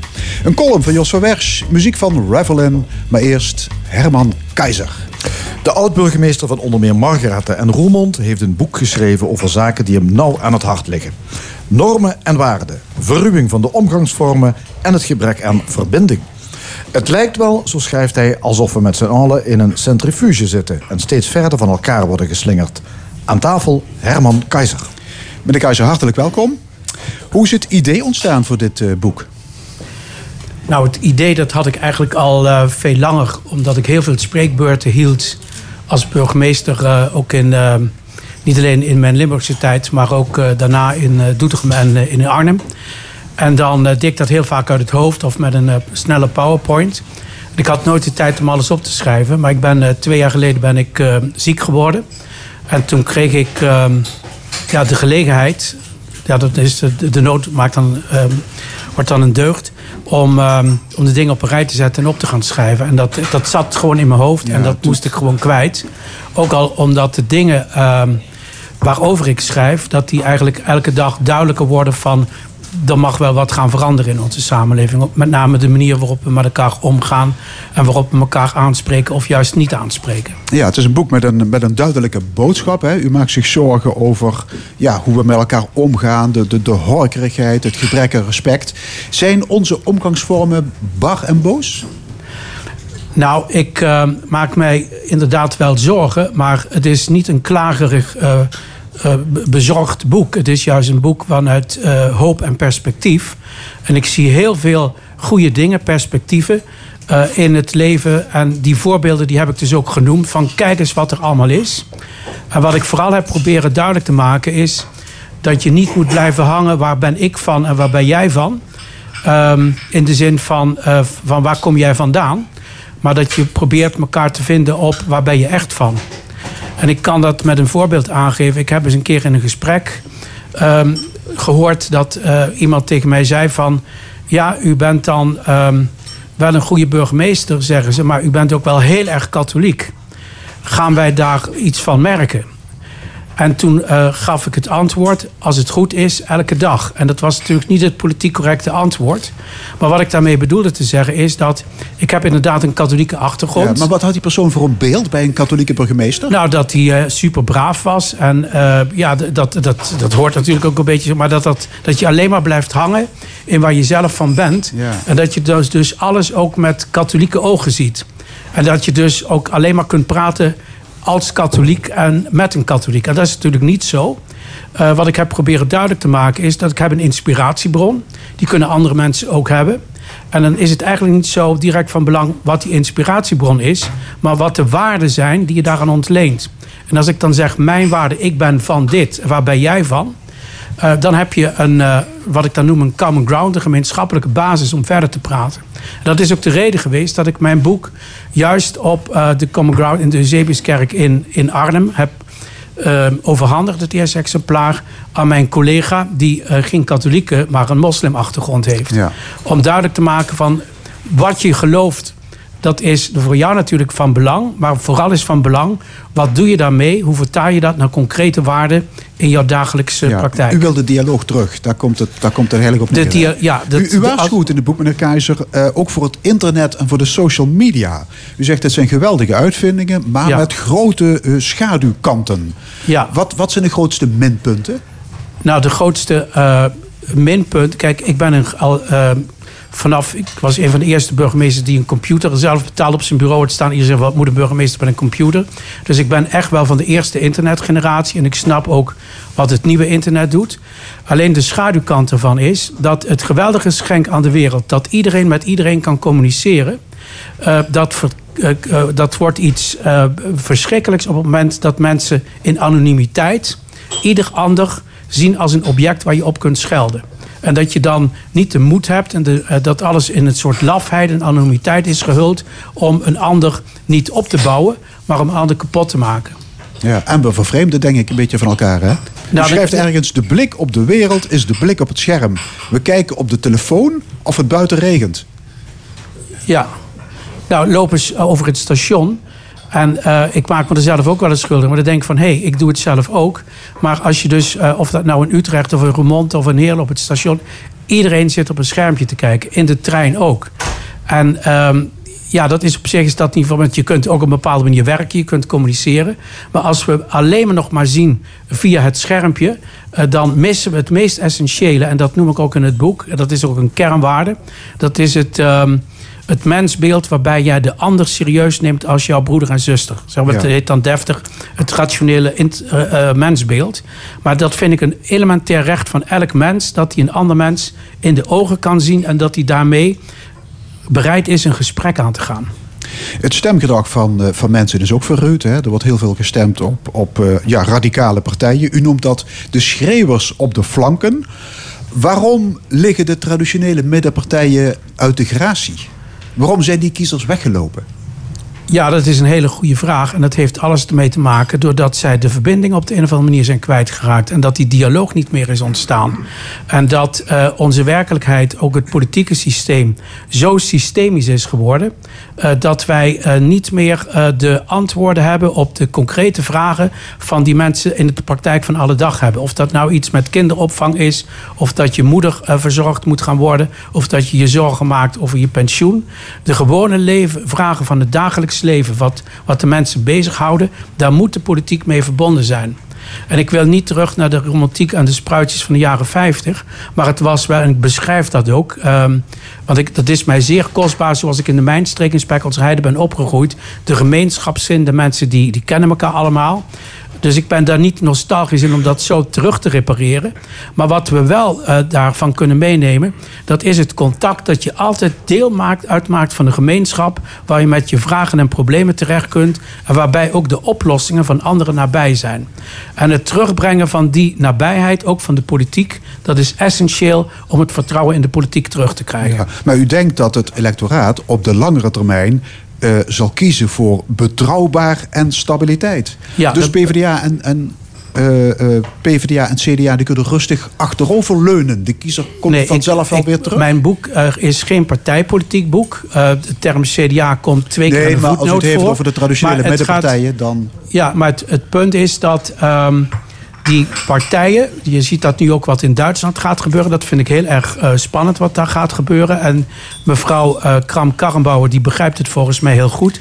Eh, die moeten zichzelf opnieuw gaan uitvinden... De om weer direct terug te, terug te komen bij de gewone mensen. Ja, maar het CDA is uw partij. Ik, ik vind Buma erg rechts de laatste tijd. Nou, ik heb daar vorig jaar ook eh, een artikel over gepubliceerd. Dus mijn standpunt daarvan is volstrekt eh, duidelijk. Wij moeten niet blijven hangen in een soort eh, eh, historisch nationalisme, al dan niet uit een bepaalde provincie. Eh, waar we voor moeten gaan is de warmte. die de politiek en de samenleving moet brengen. En ook met eerlijkheid. Je moet niet alleen maar achter mensen aanlopen omdat ze boos zijn. Want ze kunnen ook voor de verkeerde dingen boos zijn. Maar dan moet je ook duidelijk zijn. En ik vind duidelijkheid en betrouwbaarheid... dat zal uiteindelijk de politieke stabiliteit van dit land ook beïnvloeden. ja, en de en leider van dat- het CDA die gaat te veel de populistische toe op. Hoor ik u dat Ehm, zeggen? Het is zondagmorgen en ik wil niet per se een zondagsreden houden over mijn partij. Maar ik weet wel dat in die partij ook heel veel eh, grondslagen voor vernieuwing zijn. En daar zie ik ook heel veel eh, goede tekenen voor. Daar ben ik van overtuigd. Uw boek is een, eh, ja, eigenlijk één groot pleidooi om de boel bij elkaar te houden. Het gaat over normen en waarden, over gemeenschapszin. In die zin is het heel erg christendemocratisch. Maar u schrijft in de inleiding: dit is geen katholiek boek, wel geschreven door een katholiek. Ja, maar eh, deze, die waarde van die gemeenschapszin... dat is nog een monopolie van katholieken... nog van christendemocraten, nog van Limburgers. Maar ik vind wel dat juist de Limburgers... die moeten, dat zit zo in onze genen... De gouverneur die heeft het altijd over de Limburgse ziel... om niet het woord Limburgse identiteit te gebruiken. Maar als ik zeg, wat ben je nou in je diepste zien... eh, dan is dat zoals ik in Spekkelsheide ben opgegroeid... in een gemeenschap met verantwoordelijkheid voor die gemeenschap. Je moet er iets voor doen, je moet bijdragen... maar je krijgt er ook iets van terug. En die eh, wisselwerking tussen persoon en gemeenschap... eh, dat is de kracht van, van Limburg. En dat is een beetje aan het wegvlakken. En dat, dat, dat mag terugkomen en dat kan ook terugkomen. Maar dan moeten we het wel met z'n allen gaan willen en overal gaan doen. En niet zeggen van ze zorgen er maar voor. En zeker niet de overheid moet daar maar voor zorgen. Gemeenschap bouw je met elkaar. Ja, maar u weet misschien nog dat premier Balkenende... die had het ook heel vaak over normen en waarden... en die werd er over weggeroend. Dat- Bent, bent u niet bang voor spruitjeslucht? Nee, want het spruitjes van nu smaakt trouwens veel anders dan die van 50 jaar geleden. Dat eh, moet je maar eens proeven. Dat kan je niet meer ver- ver- vergelijken. beter of- ze- of minder? Vroeger waren ze veel bitterder, nu zijn ze zoeter. Eh, maar je moet er natuurlijk wel van houden. Maar ehm, het, het, ik praat ook over Balkenende. En Balkenende heeft, is natuurlijk verguisd omdat hij het over de normen had. Ik vind het ook beter om eerst over waarden te praten. En hoe beleef je die waarden? Daar moet je ook deugden voor hebben. En nou, een van die deugden is hoffelijkheid. Gewoon de ander de deur open houden. Of als je onderweg bent van Roermond naar Maastricht.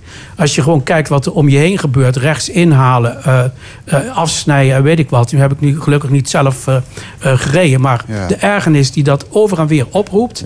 Wat je Maar in dat het verkeer ziet, zie ook in de... Hollanders op de A2. Hè?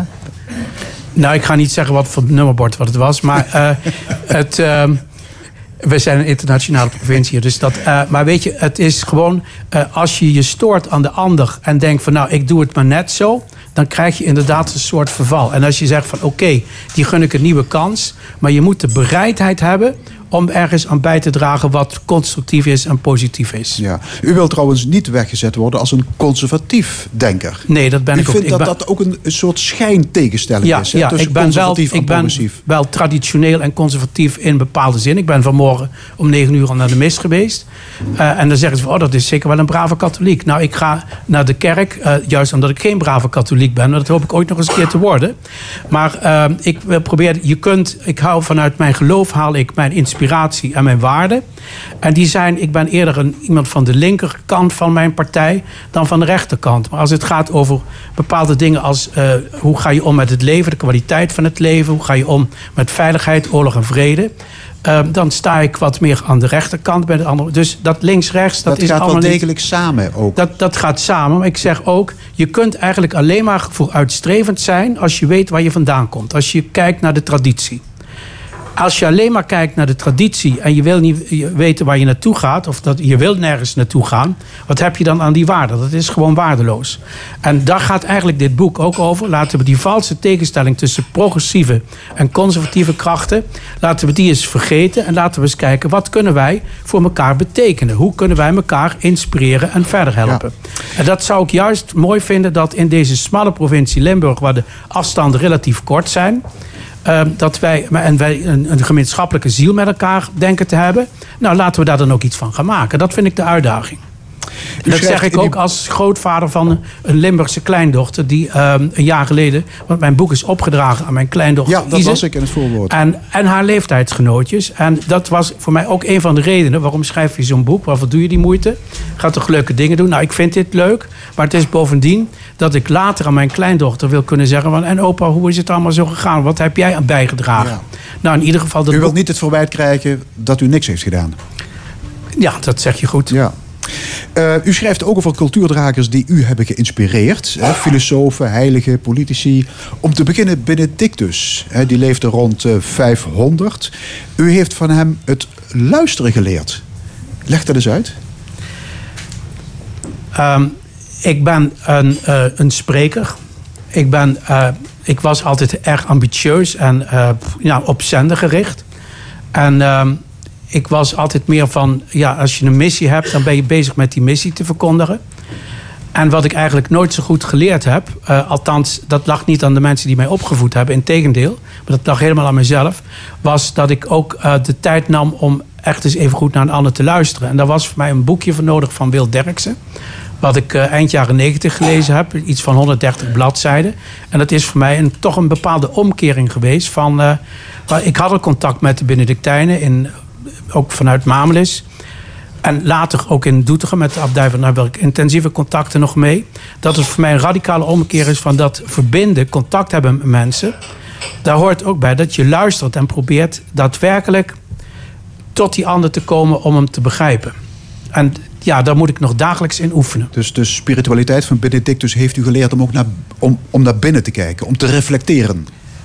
Om te reflecteren, om ehm, gewoon rustig de dingen op je in te laten werken. Maar vooral ook te luisteren en te kijken naar de ander. Wat heeft die ander nodig? Wat kan ik voor die ander doen? Heb ik goed begrepen in het boek dat u ook aan meditatie doet? Ehm, ik doe niet apart aan meditatie. Ik doe wel, ehm, ik ga regelmatig eh, doe ik, eh, dingen in de kerk. En eh, ook door de week wel. En dat zijn voor mij, sommige mensen gaan naar de yoga, dat respecteer ik. En ik heb drie keer een half uurtje in de week eh, heb ik ook eh, voldoende op een andere manier. Ja, dus iedereen moet zich eens af en toe afvragen... waar ben ik eigenlijk mee bezig? Ja, dat is ook de betekenis van gebed bijvoorbeeld. Gebed is niet alleen maar iets opgeven, maar dat is vooral ook even in de stand komen van waar ben ik eh, connected. Ja. Het is vaak zo dat politici en bestuurders tot diepere inzichten komen na hun actieve carrière. Waarom kan dat niet in functie, vraag ik me wel eens af. Ja, nou, maar dat, dat is dus bij mij wel gebeurd. Want dat boekje waar ik het over heb, dat is alweer 25 jaar geleden. Dus, en ik ben op een gegeven moment ook eh, consultant geweest. Wat trouwens ook buitengewoon goed is. Omdat is, als je dus burgemeester bent en je, eh, je zit waar het vuur brandt. Of, of, eh, daar eh, moet je op een gegeven moment moet je met de pet door het land voor de opdracht krijgen. Dat was best wel eh, heftig. Daar heb ik heel veel van geleerd. En eh, toen ik opnieuw burgemeester werd, heb ik die ervaringen die heb ik allemaal wel meegenomen. Dus ik ben niet het type van hij komt pas tot wijsheid en inzicht toen hij Ja, gestopt nee, is. ik heb het ook over mensen als Van Acht en, en, en Lubbers en Jan Terlouw. Nou ja, Later ik weet niet. Of dat, ja, dat zijn voor mij ook allemaal inspirerende figuren. Ja. En, dus dat. Goed, uw boek heet In Waarde Verbonden. Hè. U wil het gemeenschapsgevoel terug, het vertrouwen, eh, de sociale cohesie. En er moeten mensen opstaan om het heft in handen te nemen. Aan wie denkt u en wat zouden die mensen moeten doen? Dat zijn dus niet per se alleen maar de politici, maar dat zijn juist de mensen die zitten in de kernen van onze samenleving. Dat is in de wijken, dat is in onze dorpen, dat is in organisaties. Uh, in de tijd van internet zijn uh, gemeenschappen niet alleen maar de traditionele gemeenschappen, die kunnen zich ook op een hele andere manier organiseren. Uh, de communities, dat kan allemaal bijdragen tot, um, tot, tot meer cohesie. Maar die cohesie moet niet iets mechanisch zijn, dat moet gewild zijn door de mensen. Ja. En wat eigenlijk uh, moet plaatsvinden is een maatschappelijk debat, een discours van wat voor een uh, wijk wil ik eigenlijk leven? Wat voor een provincie willen we eigenlijk leven? En dat gesprek daarover, dat is ook de essentie van de politiek, dat moet gevoerd worden. Van hoe willen wij met elkaar omgaan? En wat is de toekomst die wij onze kinderen willen bieden? En dan niet op hoog academisch abstract niveau, maar gewoon ook over de praktijk van alle dag. Ja. Zou het ook kunnen, meneer Keizer, dat de menselijke maat is verdwenen door de ongebreidelde marktwerking, door privatisering van overheidsdiensten en dat soort dingen? Ja. Moet de conducteur niet gewoon terug en het loket van de bank? Ja, nou, een van de uitgangspunten van het boek, dat is wat dan met een wat moeilijk woord heet subsidiariteit. Dat is eigenlijk het terugbrengen van. Um, de invloed die mensen kunnen hebben op een directe eigen omgeving. Geef ze daarvoor de ruimte. Die ruimte is essentieel dat mensen zichzelf en in hun gemeenschap kunnen ontplooien. En als ze voortdurend afhankelijk zijn van het inloggen met systemen die vervolgens het verkeerde of geen antwoord geven, of de deurwaarder op je afsturen, dat vervreemdt mensen. Daar raken mensen van vast. En dat uitgangspunt van subsidiariteit, dat is ook het onderwerp van mijn tweede boek, wat mijn proefschrift wordt. Ik uh, ben me aan het voorbereiden om te promoveren in Tilburg. Uh, bij een professor van Geest en professor Eiving, een theoloog en een econoom. over welk juist onderwerp? Over, uh, dat gaat juist over het toepassen van dat onderdeel van de katholiek sociale leer op de economie. En dan begin ik bij Augustinus en ik eindig in deze tijd. Maar dat is nog een lange weg te gaan. Ik heb pas het eerste hoofdstuk klaar. Ja. Maar om te beginnen moet het elementaire fatsoen terug. Wat, wat zei uw grootvader ook alweer tegen u als jong manneke? Nou, die heeft heel veel dingen tegen mij gezegd. Maar nou, zal ik het zeggen? Ja. Zij immer heuflich. Want hij kwam uit Duitsland. Oh, zo, ja, ja, ja. Ja, nee, maar dat is inderdaad... Dat is, uh, beide mijn grootvader waren bakker en kwamen net over de grens. En hoffelijkheid, dat is trouwens niet alleen zeggen, oh, dat is typisch iets voor Duitsers. Nou, dat is natuurlijk flauwekul. Hoffelijkheid is gewoon van alle fatsoenlijke mensen. En zeker ook in Limburg. En uh, daar kunnen wij het voorbeeld mee geven. Ja. En uh, ik heb wel eens meegemaakt van wat zo ben je opgevoed. Dat als je een dame bezoek uh, uitlaat, dat je de jas aanreikt. Ook als je burgemeester bent. En dat mensen je aankijken zo van wat doet hij nou? Um, dat was nog voor de MeToo-discussie trouwens. Maar, uh, nee, maar het is gewoon fatsoen dat je een dame in de jas helpt en dat je de deur open houdt. En als je dan zegt van, oh, dan heb je weer zo'n zo'n zo'n zo ouderwetse. Dat, ja, dat is dan jammer. Maar dat komt ook terug. Ik ben ervan overtuigd dat mensen daarnaar verlangen. Omdat ze weten dat we er met elkaar plezierig van gaan leven. En meer zin in het leven krijgen. Het boek In Waarde Verbonden is verschenen bij uitgeverij Adveniat. Herman Keizer, hartelijk dank. Dank Revelen, dat is de band die vandaag bij ons optreedt. Overigens, ze zijn binnenkort nog een keer te zien en te horen. En dat is op zondag 30 december op het Winterfestival. En dat wordt gehouden op het Pancratiusplein in Heerlen.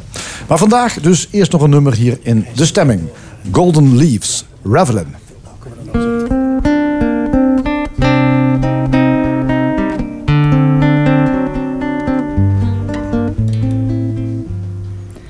Do you remember how this first began? Teeth were white and her skin was young, eyes as bright as the Spanish sun. We had nothing we could hide. Now, my dear, we are two golden leaves, clinging desperately to winter trees, got up here like a pair of thieves while the sirens blare outside. What's left to say when every word's been spoken? What's left to see when our eyes won't open?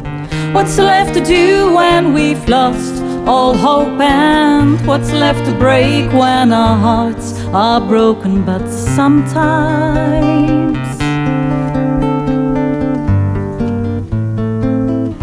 Do you remember how this started out? So full of hope, and now we're filled with doubt.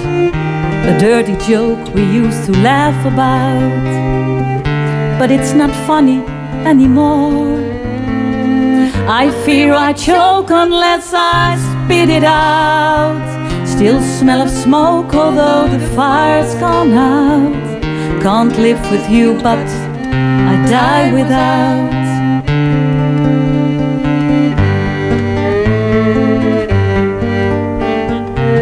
What's left to say when every word's been spoken?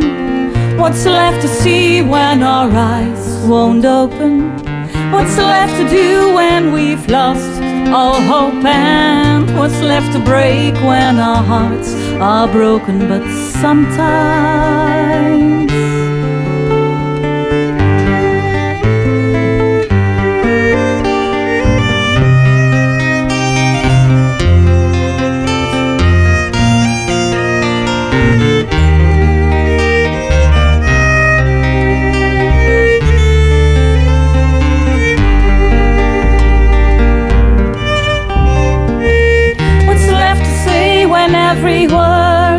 Spoken?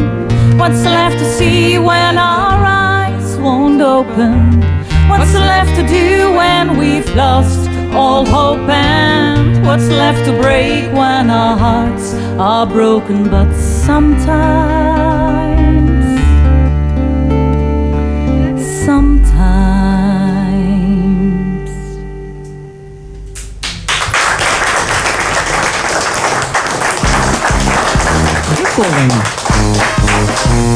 Vandaag met Jos van Wersch. Jo met de banjo en Mien met de mandoline. En nu hebben we dus ook Harry met de gitaar. Harry is overdag CEO van het bisdom Roermond. En in zijn vrije tijd treedt hij op als singer-songwriter slash gitarist. Harry's wereldhit, Vijf broden en twee vissen, wie kent zijn lied niet, was vrijdag breaking news bij L1. Net als alle Limburgse prominenten moest ook Harry vertellen dat Samen voor de Voedselbank een geweldige actie is. Want dankzij de hamsterweken bij L1 zijn er nu al 64 miljoen allerlei lang houdbare levensmiddelen ingezameld. En dat is, ja ja, een nieuw record. Met maar liefst 13 zakken paprika wokkels meer dan vorig jaar. Alsjeblieft. Dit alles tot grote schrik van de vaste voedselbankklanten... die bij God niet weten hoe ze die miljoenen bij elkaar gebedelde conserveblikken... met gepelle tomaten en schijven ananas door een strot moeten krijgen. Ook nog in de wetenschap dat ze niet eens de tijd krijgen om uit te buiken. Want al over elf maanden begint het hele circus weer van voren af aan. Er zijn al voedselbankklanten die niet langer aan deze actie willen meedoen... en volgend jaar met kerst gewoon uit eten gaan... in dit ontzettend gaaf land van Mark Rutte vol met voedselbanken. In de studio van Erlin stond vrijdag onze kakelverse monseigneur... zichtbaar ongemakkelijk te midden van zijn symbolische broden, vissen en valse gitaar. Ik vroeg me af, is dit onze nieuwe bisschop Harry Smeets... of de 2.0-versie van Frater Financiers uit Schin op Geul... Of nog tragischer, Toon Hermans alias Frits Verkade... die auditie deed bij de televisie... en oh, zo graag idool willen worden van het volk. Maar Frits Verkade kwam niet verder dan... wat ruist er door het struikgewas. De vraag is nu of Harry Smeets verder komt. In Limburg is hij de Rooms-Katholieke baas van lege kerken. Want Jo Gijzen, de ultieme horrorbisschop... joeg de schapen massaal het hok uit. Frans Wirtz, de middle-of-the-road herder wist in 25 jaar niet één schaap naar binnen te lokken. Nu de op hol geslagen kudde toch niet meer te temmen is, rest Harry Smeets niets anders dan zijn Amstermijn in te kleuren als rondreizende troubadour. Je hebt het in je, Harry, om geneed van het lijven, het motto van Jeff Diederen, aan de laatste grijs gekuifde gelovigen te verkondigen. Jouw liedje, Harry, over de broden en de vissen, is nu al een hit op het internet. Meld je aan, Harry, en je wint ook de Voice of Holland. Maar begin in godsnaam nooit over de Rooms-Katholieke core. Want daarvoor heeft jouw bedrijfstak te vaak de hand gelicht... met vrijwel alle tien geboden van de catechismus... waaronder de lijfspreuk van Simonis... Wir haben es nicht gewusst. De column was dat van Jos van Wersch. Het laatste onderdeel van de stemming is het discussiepanel. Ik heet van harte welkom Terza Hoeben, statenlid voor de PvdA... Cor Bosman, middenstander en Loek Hustings, communicatieadviseur. Ja, welkom alle drie. Ehm, de uitstoot van CO2 die moet fors omlaag. Dat is geen nieuws. In eh, Katowice kwam ons er wel of niet uit. eh, maar niet. ook in, ja, in, eh, in Nederland moeten we in elk geval in 2030 49% minder uitstoten. Dat is al afgesproken in Parijs. Eh, maar nu een hoop gekissenbis daarover eh, tussen de coalitiepartijen in Den Haag. Want hoe moet je dat dan gaan bereiken? Is het niet vreemd dat dat tot zoveel vrevel lijkt? Want we weten al sinds Parijs dat het omlaag moet. Dat we fors moeten gaan hervormen. En we komen er nog steeds niet uit, Terza Hoebe. Diep. Nee, ik meen het serieus. De duurzaamheid is mijn portefeuille. Ik jaag die nu de afgelopen vier jaar aan. En het verbaast me werkelijk, en ik meen het werkelijk... dat de overheid en de politiek gewoon niet warm wil worden... voor iets wat zo urgent is. En we kunnen hier heel lang over praten. We kunnen hier ook een heel mooie discussie weer over voeren. Maar ik word hier intens verdrietig van. Het is twee voor twaalf. Niemand wil buigen. Iedereen zit naar oplossingen te zoeken die geen oplossingen zijn. Hoe ver moet het met onze wereld komen voordat wij tot een beslissing kunnen komen en ook daadwerkelijk gaan handelen? En ik, ik kan met hele mooie ideeën en hele mooie plannen. En ik heb ook binnen mijn eigen provincie aangejaagd, voorbeelden aangeboden, eh, meegeholpen. En als je dan ziet wat er na vier jaar uitkomt. Hè, van nou, de komende periode gaan we hiermee aan de slag. Dat is gewoon om verdrietig van te worden. Want ik kan het niet meer verkopen naar burgers. Ik meen het serieus. Ik zelf in de politiek kan het werkelijk niet naar niemand meer verkopen dat niemand bereid is om hier iets aan te doen. En het moet gebeuren en het kan gebeuren, want het is reinste bullshit dat het niet kan. Er zijn alleen offers nodig en met name vanuit de overheid. En die is niemand bereid te nemen. Ja, en de vraag is dus, hoe, kan dat? Zijn jullie het er trouwens mee eens? Dat... Ja, ik, het, het, zij- eh, het is zo dat Theresa het volkomen duidelijk schetst. De kloof tussen aan de ene kant de bevolking... en aan de andere kant de politieke beslis- beslissingsnemers, beslissers... is zo gigantisch groot. Aan de ene kant hoor je de roep... doe wat, doe wat, doe wat, want het is de hoogste tijd. En aan de andere kant merk je dat ehm, er steeds niks gebeurt. En dan, dan denk ik dat het grote probleem het volgende is. Je hebt tegenstribbelers, je hebt meestribbelers. En die laatste zijn levensgevaarlijk. Van wat is er nu aan de hand? Je hebt mensen die zeggen... het is overdreven, neem, neem, neem eh, die dwaas in Amerika... ehm, die roept dat er helemaal geen probleem is. Goed, dat is een duidelijke tegenstribbelaar. Dan weet je, daar zit mijn tegenstander klaar. Maar al diegenen die zogenaamd mee willen in het proces, de meestribbelaars, maar proberen steeds die bal zo ver voor zich uit te schuiven dat er een echte beslissing maar niet genomen wordt, of later genomen wordt, of uitgesteld wordt. En daar zit het sluipend gevaar. Want de beslissingen, de coördate aanpak die nu zou moeten gebeuren, gebeurt maar niet omwille van een he- hele hoop economische, olie en andere redenen. wie zijn die meestribbelaars? Nou, dat, die beestribbelaars zitten onder andere... Kijk nu wat er in Polen gebeurt op de grote internationale klimaatconferentie. Daar zitten dus eh, van 103 landen eh, vertegenwoordigers bij elkaar. Die zitten zich de kop te breken over geweldige technische details... waar geen mens van wakker ligt. En waar ze maar moeilijk doen en moeilijk doen... Terwijl we zeggen, jongens, we liggen op apengapen. We, we niet kapot van de rotzooi. Nou, en daar wordt dus niet naar geluisterd. En eh, de, de meestribbelers stribbelen maar gewoon door en schuiven de Zijn het de problemen zich bedrijven? Zijn het politici? Wie zijn dat? Dat zijn en bedrijven en politici. Het zijn natuurlijk degenen die er een belang bij hebben dat hun, olie, hun, hun, luchtvervuilende uitstoot maar kan blijven doorgaan. Die er geen belang bij hebben om dat rigoureus te stoppen. En als ze dat stoppen, kost het een hoop geld. Wat ze aan de andere kant ook nog willen afwentelen op eh, de consument. Moet je je voorstellen dat een kubieke meter gas die wij allemaal gebruiken... Weet je dat wij daar 180 keer zoveel voor betalen... dan dat de grootverbruiker, de industrie, betaalt voor hetzelfde gas? Je zou toch zeggen, nou, dat zijn de grootverbruikers... die mogen misschien een beetje korting hebben... maar wij betalen 180 keer zoveel. Nou, dat is het einde zoek. Ja. Cor Bosman, hoe kijk jij er tegenaan? Nou, ik denk dat Loek eh, Hustings eh, hier wel eh, de, de, de zenuw heel pijnlijk blootlegt. eh, voor wat betreft zijn, zijn term van de, van de, mede, van de meestribbelaars.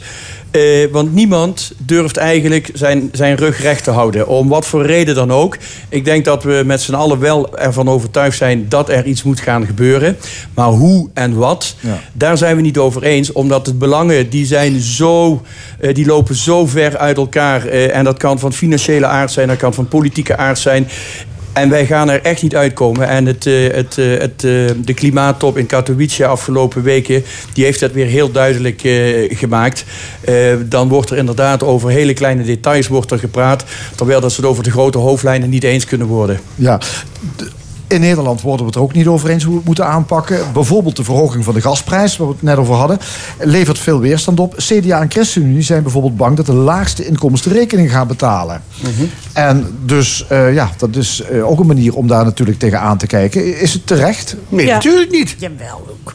Vind je het terecht? Nee, het is, het is niet terecht. Maar Oh. weet je wat mij opvalt is... het wordt natuurlijk aangekaart... Hè, dat de lagere inkomens de pineut gaan worden... van eh, de, eigenlijk de transitie die wij zijn ingegaan. Want laten we eerlijk zijn... die laadpaal van die dikke Tesla... die zie je niet in bepaalde wijken. Zonnepanelen zie je niet in bepaalde wijken. Maar hoe komt dat? Omdat de overheid duurzaamheid laten we eigenlijk niet duurzaamheid noemen, want iedereen praat alleen maar over de energietransitie. Duurzaamheid is een term die heel veel overheden niet eens snappen. Maar de energietransitie zetten ze op een manier in die zo beperkt is en alleen maar gericht is op zonnepanelen, windmolens, bio-energie. Kom op hé.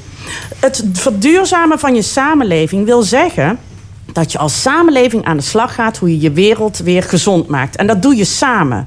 Dat doe je niet door bepaalde groepen nu voorop te laten stomen in de hoop dat de rest meegaat. Nee, je zult als overheid een nieuwe samenleving moeten gaan bouwen. Zeg je nu dat er eigenlijk een elite is die profiteert van die omwenteling en dat mensen in de armere wijken dus achterblijven en, en de rekening Ze straks moeten gebruiken eigenlijk de elite om te hopen dat die transitie aanslaat. Het zijn ook de elite die vanuit die principes en die waarden en normen nu die verandering ingaan. En dat betekent inderdaad dat automatisch die lagere inkomens de, de dupe gaan worden. Maar dat gaat niet gebeuren dat op het moment dat je als overheid anders met die transitie aan de gang gaat. En het ook werkelijk als transitie gaat zien. En niet met alleen maar oplossingen als windenergie en zonnepanelen. Loek Hustings? Ja, nou ja, eh, eh, eh, je zegt helemaal eh, waar ik het net ook over had. Als je 180 keer zoveel betaalt voor een kubieke meter gas dan de industrie, dan is er toch een kloof hè, tussen, eh, bijvoorbeeld in dit geval, tussen de vervuiler en het betalen.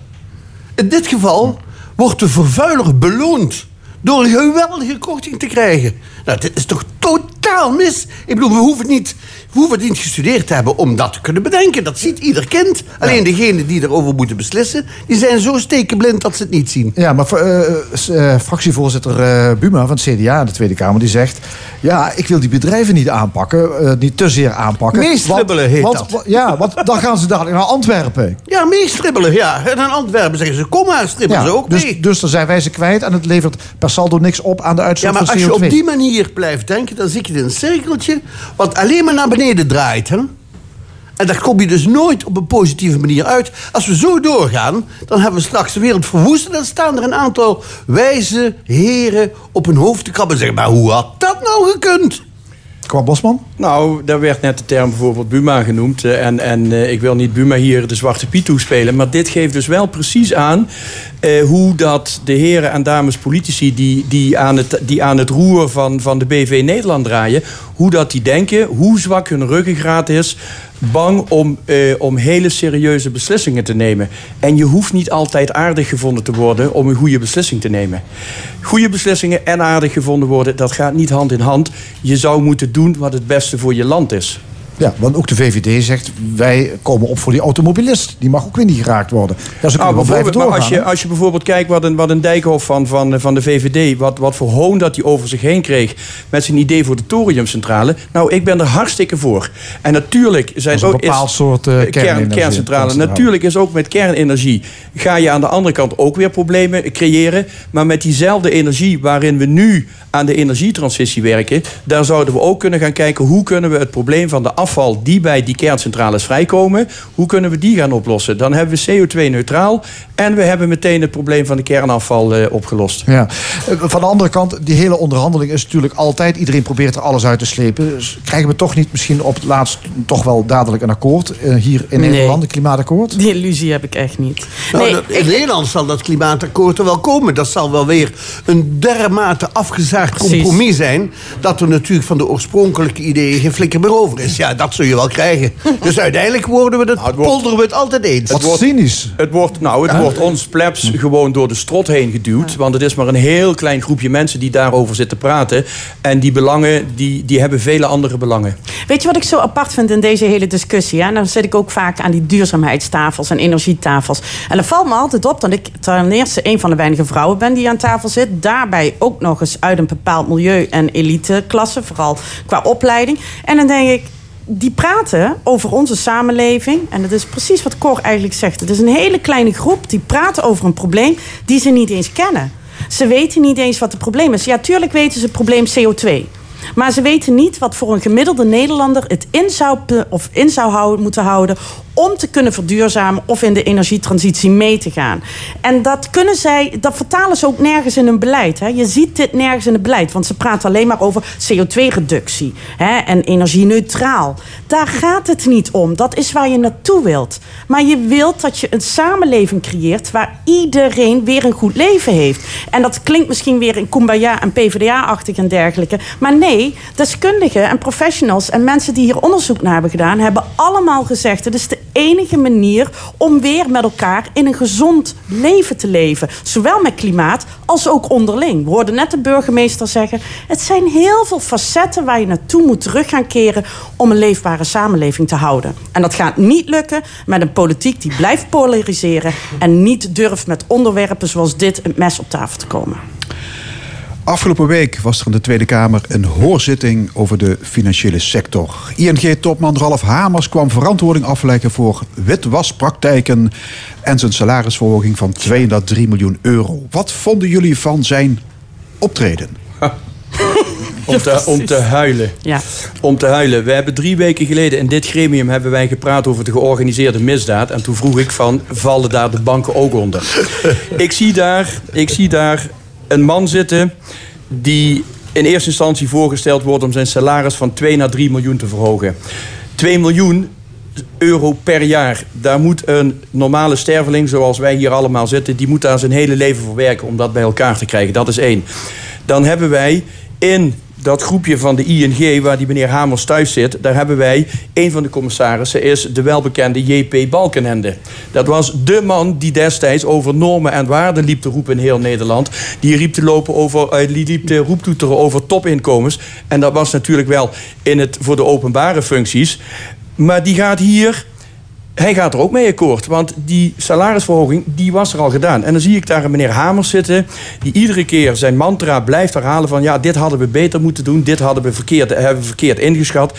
Die mensen op dit niveau, meneer Hamers ook... die leeft in een parallel universum.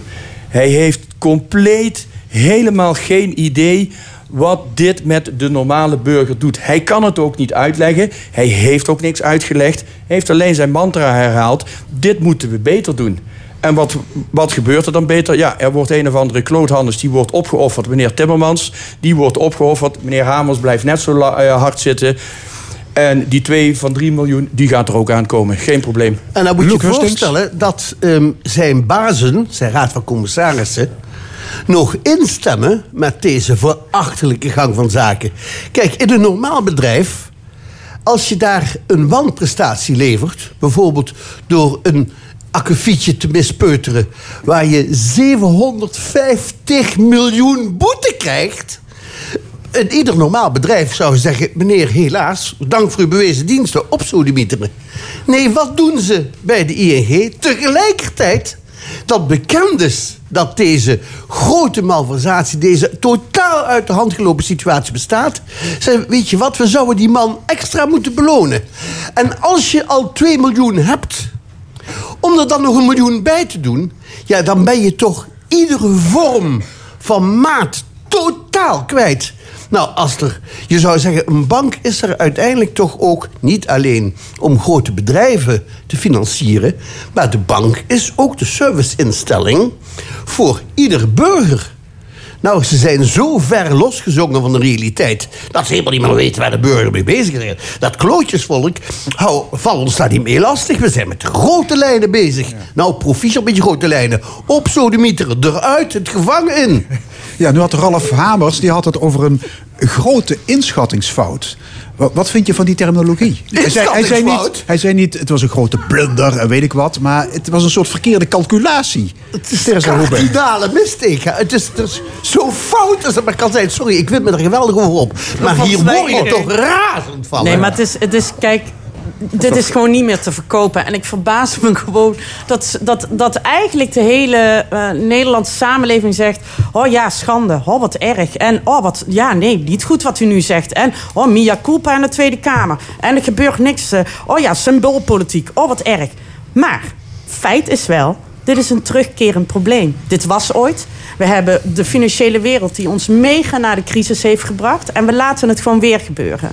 En tuurlijk klaagt iedereen nu steen en been. En ik wind me er ook over op. En ik hoorde me vanmorgen nog tegen mijn man tekeer gingen. Toen er alle stukken bij elkaar aan het verzamelen was. Schande. Ik zeg, hoe is het toch mogelijk dat wij dit wederom toelaten? Dat wij wederom accepteren dat er een schijn, eh, schijnbijeenkomst wordt gehouden in de Tweede Kamer. Terwijl we weten dat de politiek er niks mee doet. Want ze zeggen wel allemaal schande. En eigenlijk moet er iemand op het hakblok. Het gaat Ja, niet zeven gebeuren. minuten heeft het Gaat- geduurd, Het gaat niet Het was een gebeuren. soort aflaten eigenlijk. Maar even, even op, die, op die vraag van, van Fons terugkomen. Een inschattingsfout. Wat daarmee bedoeld wordt is van...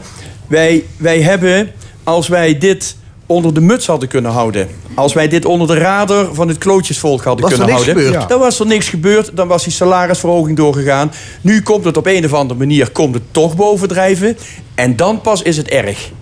Die mensen hebben geen enkel besef van norm en waarde... waar wij als normale burger wel aangehouden worden. En dat wordt bedoeld met de inschattingsfout. Het spijt hem voor 0,0 Ja, door heeft het- hij daar spijt Door van. het optreden van de minister van Financiën is deze salarisverhoging uitgesteld. Hè? Uitgesteld. De Raad die van Commissarissen die vindt het beloningsbeleid van ING prima. Het moet alleen, zeggen ze, beter worden uitgelegd. Dus die 3 miljoen is nog niet van de baan. Nee, maar laten we even duidelijk de uitleg. Hè?